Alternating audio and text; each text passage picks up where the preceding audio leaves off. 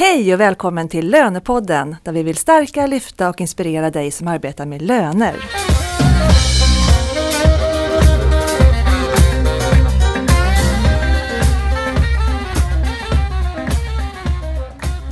Jag heter Katarina Sand och jag arbetar på rekryteringsbyrån WISE Professionals inom affärsområdet lön. Vi hyr ut lönekonsulter och rekryterar lönekompetens. Och nu vill vi mer än så. Därför har vi startat det här initiativet, Lönepodden. Och vi kommer också arrangera vår egen lönedag, Inspiration Lön, den 26 april.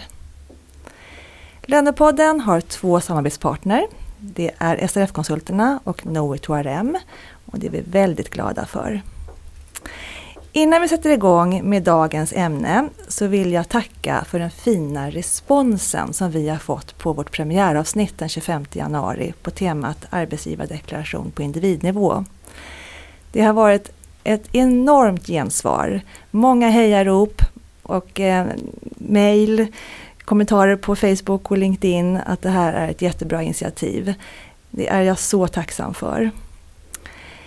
I det här avsnittet så ska vi prata om GDPR, General Data Protection Regulation, vilket är EUs nya dataskyddsförordning som träder i kraft den 25 maj 2018. Och det är en förordning som kommer att förändra sättet att hantera personuppgifter och även stärka individens integritet. Med mig här i studion så har jag två personer idag. Det är Simon Persson som är managementkonsult inom lön och HR på Knowit2RM. Välkommen! Tack! Och det är Maria Andersson som är kvalitetsansvarig och processutvecklare på outsourcingföretaget Accountor. Välkommen! Tack! Och ni är två experter på det här ämnet, GDPR. Du Simon, du är ute i stora företag och även mindre och leder de här GDPR-projekten. Och du Maria, du arbetar i GDPR-projektet hos din arbetsgivare Accountor inom affärsområdet lön. Precis. Så vad är det nu vi ska lyfta? För det här är ju ett jättestort komplext område, GDPR. Det har blivit en riktig snackis och för många känns det väldigt stort och svårt. Några har, är, väl, alltså är väl förberedda redan nu och kommit långt och andra har kanske inte börjat än. Vi vill inte skrämma, vi vill inspirera, vi vill väcka tankar. Vi vill ge tips och råd och vi vill avdramatisera. Tror jag. Avdramatisera, ja, precis.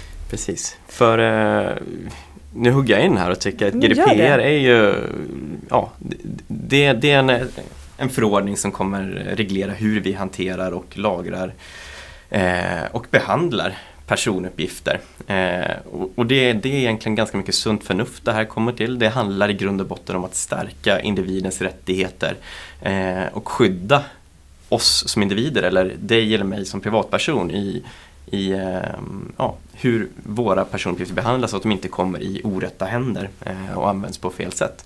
Men ska vi börja där? Ska vi börja med att prata om vad är en personuppgift? Ja, För de som kanske början. inte har hela bilden. Ja, precis.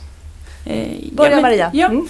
En personuppgift. Jag, jag skulle se personuppgifter som att varje eh, människa har några ädelstenar som är just ens, ens egna. Och vissa ädelstenar som till exempel hälsoinformation, det är som en riktigt dyrbar diamant. Och det här måste vi skydda. Mm. Och GDPR har ju tagit fram stora skydd både för, för de företag som arbetar på nätet men, men stärker också skyddet i övrigt. Precis. Och det är viktigt då både som personuppgiftsansvarig eller mm. som vi som jobbar inom outsourcing som biträden att vi verkligen ser till att personuppgifterna, de här diamanterna, de är skyddade hela vägen. Mm. Precis. Exakt, det, det ställer ju precis som du säger, det gäller att vi har koll på de flödena mm. som sker och de här personuppgifterna som, som vi, vi handhar, eller ädelstenarna som, som du, ja, du säger. Jättebra liknelse. Eh, mm. Precis. Eh, jag tycker det är viktigt också att, att man, man gör en distinktion på personuppgifter och, och, och, tänker att en personuppgift är egentligen allting som går att direkt eller indirekt mm. identifiera en person, alltså en fysiskt levande individ. Ja, precis. Eller i kombination. Ja, eller uppgifter som i kombination mm. kan leda till, till att man kan identifiera den här personen. Eh, sen som du nämner också de här känsliga, mer dyrbara mm. ädelstenarna, de här känsliga personuppgifterna är extra skyddsvärda. Mm. och där är ju en sån sak där hälsodata, eh, det kan vara facktillhörighet, eh, har vi uppgifter om människors religion eller etniska ursprung och liknande så är det här extra skyddsvärt. Mm. Det är sånt som, som vi måste ha, tänka extra mycket på hur vi handhar. Eh, och också uppgifter som vi kanske i många fall inte får behandla. Mm. Och det är väl riktigt det som genererar de här riktigt stora böterna också som alla har hört och skrämts om.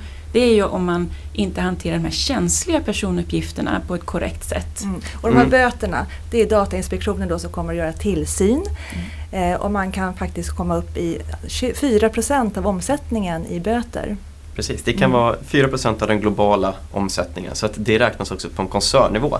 Eh, så det är viktigt att tänka på om man är ett, ett litet dotterbolag till, till en, en, stor global eh, aktör eh, i Sverige och vi har inte koll på våra delar och vi råkar ut för ett stort läckage och vi kan inte påvisa att vi har rutiner och, och processer på plats utan vi har helt enkelt förbisett allting och bara kört på i vår egen takt. Då kan den här ja, teoretiskt då liksom slå till på 4% på den globala omsättningen för, för hela koncernen. Eh, så man får tänka att det, det, är ett stort perspektiv och det, det, är stora belopp som, som det handlar om. Sen vet vi inte alls hur det här kommer att tillämpas i praktiken. Vi, det, det är svårt att säga eh, att det kommer vara, att vi kan inte säkert säga att det kommer vara 4% av årsomsättningen som utdöms varje gång. Utan sannolikt så, så, så finns det också en trappa där. ja, det, det är där ett maxbelopp. Mm, och det ja. går att överklaga också. Det går att ja. överklaga ja. och det, det, handlar mycket om att kan man visa på att vi har rutiner och processer på plats, att vi har ett säkert arbetssätt. Eh, så, så, så, sannolikt då så kan man också tänka sig att den här bötes viteskalan trappas ner. Eh, exakt hur det ser ut vet vi inte. Det finns inga prejudikat. Den här eh, förordningen är inte eh, i kraft ännu utan det kommer att visa sig sen framgent också. Och där skulle jag vilja lägga till just det här att hur gör man för att skydda sig för de här höga böterna som kan komma. Och det är ju att titta på sin hantering idag och också dokumentera. Så att man kan visa att det här är så vi hanterade personuppgifter. Det här arbetet har vi gjort för att säkerställa att eh, vi kan följa GDPR och nu arbetar vi så här. Och kan man visa den här dokumentationen, visa sin insats, vad, vad vi har jobbat med. Eh, jag tror att det är en viktig, viktig grund. Mm. Mm. Och visst är det så också att om man följer personuppgiftslagen som är föregångaren till GDPR då, som finns idag, så har man kommit rätt så långt. Ja, man har i alla fall en, en grund att bygga vidare på kan mm. man säga. Att det är ju det är den lagen som gäller idag som, som eh, reglerar hur vi får behandla eh, personuppgifter. Eh, sen så ställer GDPR nya krav och vi kommer behöva uppdatera alla våra processer och rutiner, alla skrivelser eller alla samtycken vi inhämtar eller vad det nu kan vara enligt den nya förordningen som kommer att liksom träda i kraft och ersätta PUL. Så att absolut, man, man har ett, ett grundjobb gjort men man behöver fortfarande eh, göra det här nya jobbet. Mm. Hur långt har man kommit där ute? För det här är ju en jättestor snackis nu, mm. GDPR. Och vad jag förstår så stora företag har kommit rätt långt. Ni på Accountor, ni började redan för ett halvår sedan och jobba med de här ja, frågorna. För förra sommaren ja, började jag så. titta på det. Ja. Men eh. kanske att i ett mindre företag så har man inte ens börjat men det är ju lika mm. viktiga frågor där. Ja, det är det. Precis. Mm. Och var ska de börja? Ja. Vad ska vi tipsa? Precis. Eh, först och främst tycker jag att det är viktigt att, att peka på att det, det, känner man sig här som lyssnare nu att jag har ingen koll på vad det här är överhuvudtaget eller jag har inte kommit igång med det här. Eh, så kan man nog känna sig ganska trygg med att det finns andra som sitter i precis samma båt. Eh, det är många som inte har kommit igång ordentligt med det här men nu är det ju hög tid att börja med att vi, vi är snart där vid 25 maj.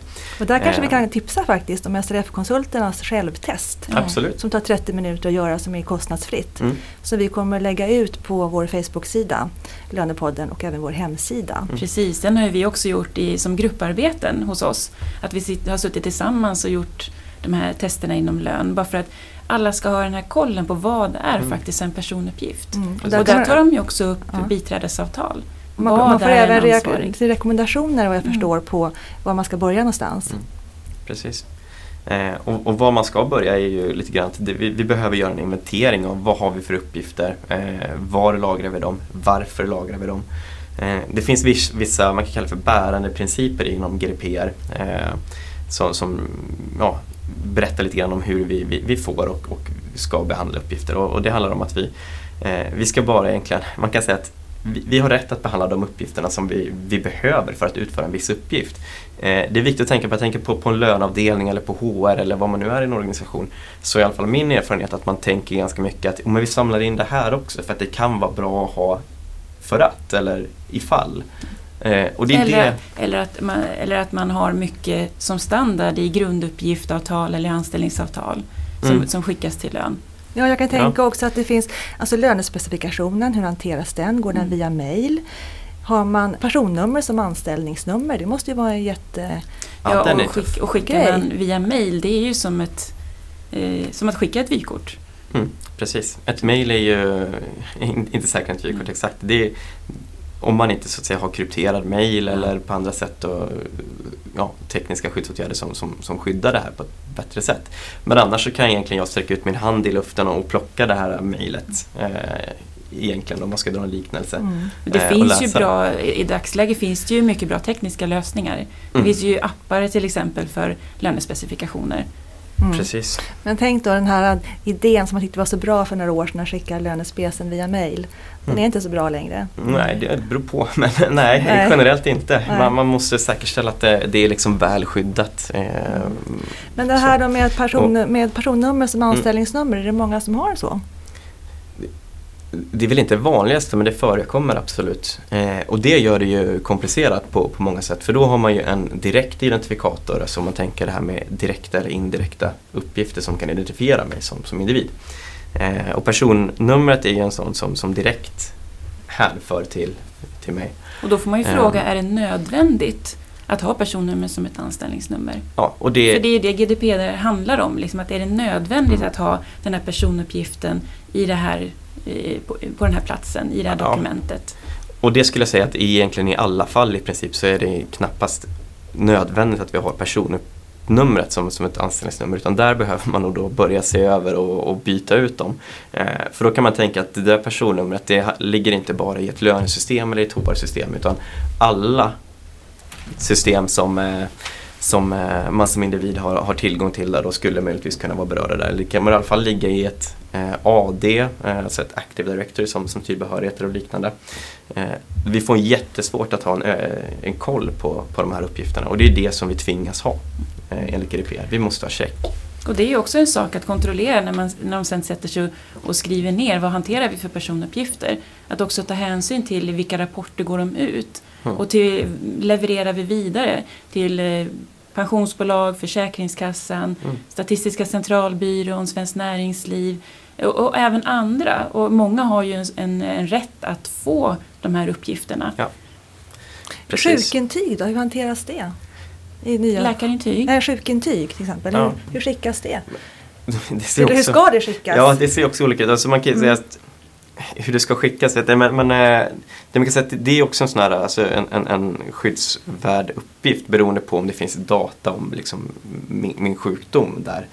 Eh, så, så, behöver jag hantera det på ett vettigt sätt. Och behöver jag som arbetsgivare kanske efter en anställningsslut ha kvar gamla sjukintyg? Nej, sannolikt inte.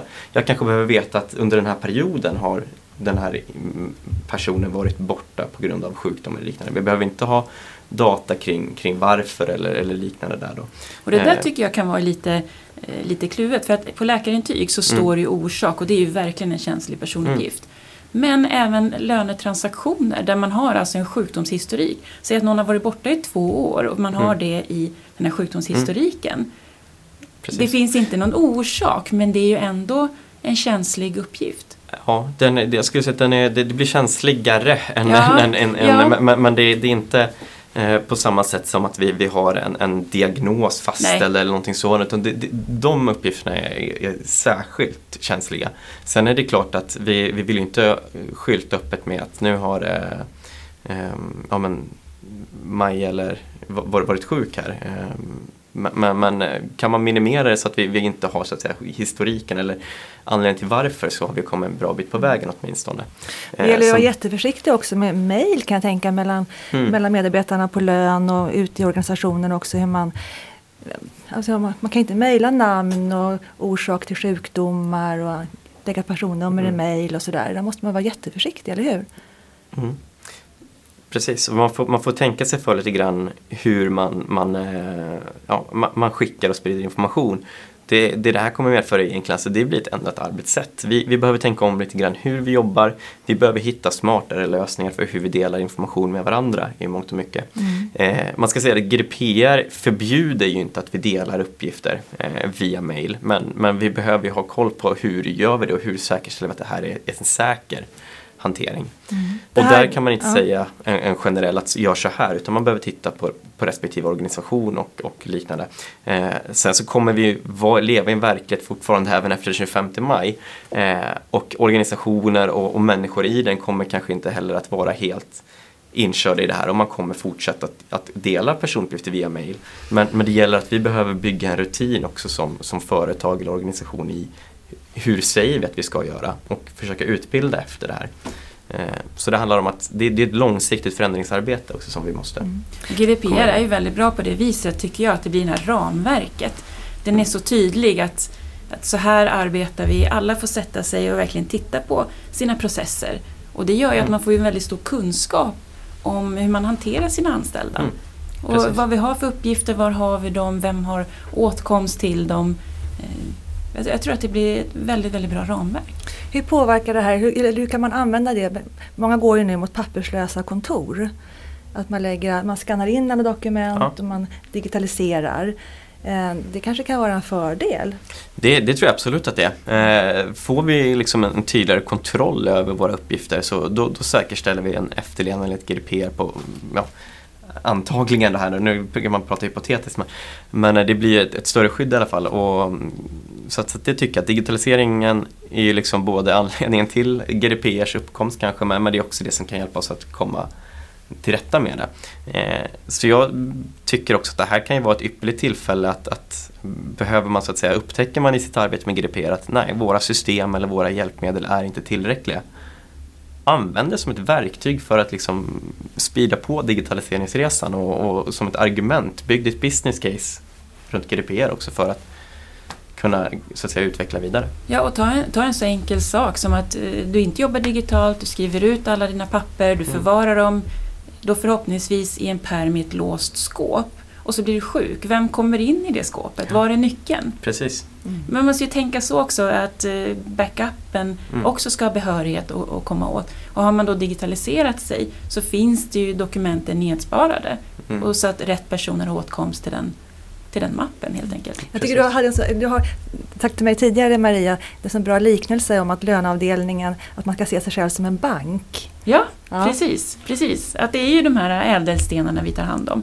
Och vi är ju som en, en bank för dem. Där, där, kunden då har sagt att ja, men ni kan få hantera de här. Uh, nu har vi ju laglig rätt också att hantera många personuppgifter för att kunna betala ut rätt löner till exempel. Men det är ju så, vi måste ju tänka, vem, vem har åtkomst, vem ska ha åtkomst? Mm. mm.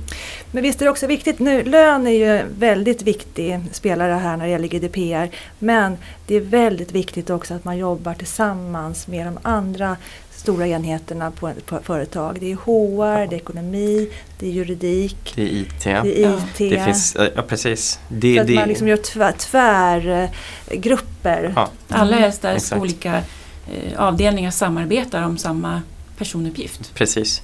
För det är ju ofta så att alltså en uppgift som man hanterar på lön är inte unik för, för lön utan de här uppgifterna flödar kanske ofta runt i många olika system. Ett lönesystem kan ju till exempel vara man kallar det för en, en masterdatabas. Att den, den, den, föder uppgifter till andra system. Som försystem, eh, reseräkningssystem? Ja, det kan vara även till, till HR-system eller till, till andra ekonomisystem och till, till allting. Mm, allt hänger eh, ihop. Precis, och det är hela det här flödet, eller liksom livscykeln av en personuppgift, den behöver man ha koll på. Eh, och vi behöver därför liksom så, så, så är det jätteviktigt att alla delar i en organisation är delaktiga i det här projektet på ett eller annat sätt. Och också systemleverantörerna här. Också Hur bra koll har de på det här? Hur långt har de kommit? Eh, ja, de, de, det är en jätteviktig fråga för, för alla systemleverantörer. Jag, jag, kan inte uttala mig om hur, hur det ser ut för, för de specifika leverantörerna. Eh, men, men, det här är en fråga som även de jobbar aktivt ja. med just nu. Mm. Det jag hoppas är att de ska ta fram en enkel rapport säg att en person vill ha ett registerutdrag på vad vi har för personuppgifter mm. på den personen. Då hoppas jag ju att systemleverantörerna på ett enkelt sätt kan skapa en rapport mm. där vi kan ta ut och, och skicka då till personen i fråga.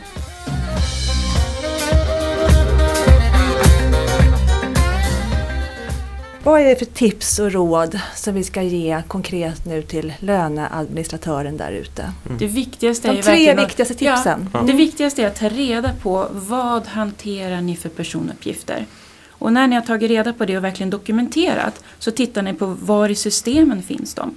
Och sen tittar ni på vem har åtkomst till de här personuppgifterna. Och sen också är det personuppgifter som ni inte behöver, som, som kan gallras bort och som inte behöver hanteras i framtiden. Men den här dokumentationen, att ni sparar den dokumentationen för att kunna visa att det här är vårt arbete, så här har vi, så här har vi mm, tagit oss an det här. Och sen också lägga upp riktlinjer för framtiden för att det här är så vi ska jobba då för att Mm, det var tre, det var tre ja. konkreta tips verkligen. Ja. Vad bra. Ja, de är, jättebra och det är precis som du är inne på där, börja kartlägga vad har vi för uppgifter och var finns de, att skapa ett, ett register. GDPR pratar bland annat om en registerförteckning som man behöver ha beroende på hur stor man är som företag eller organisation.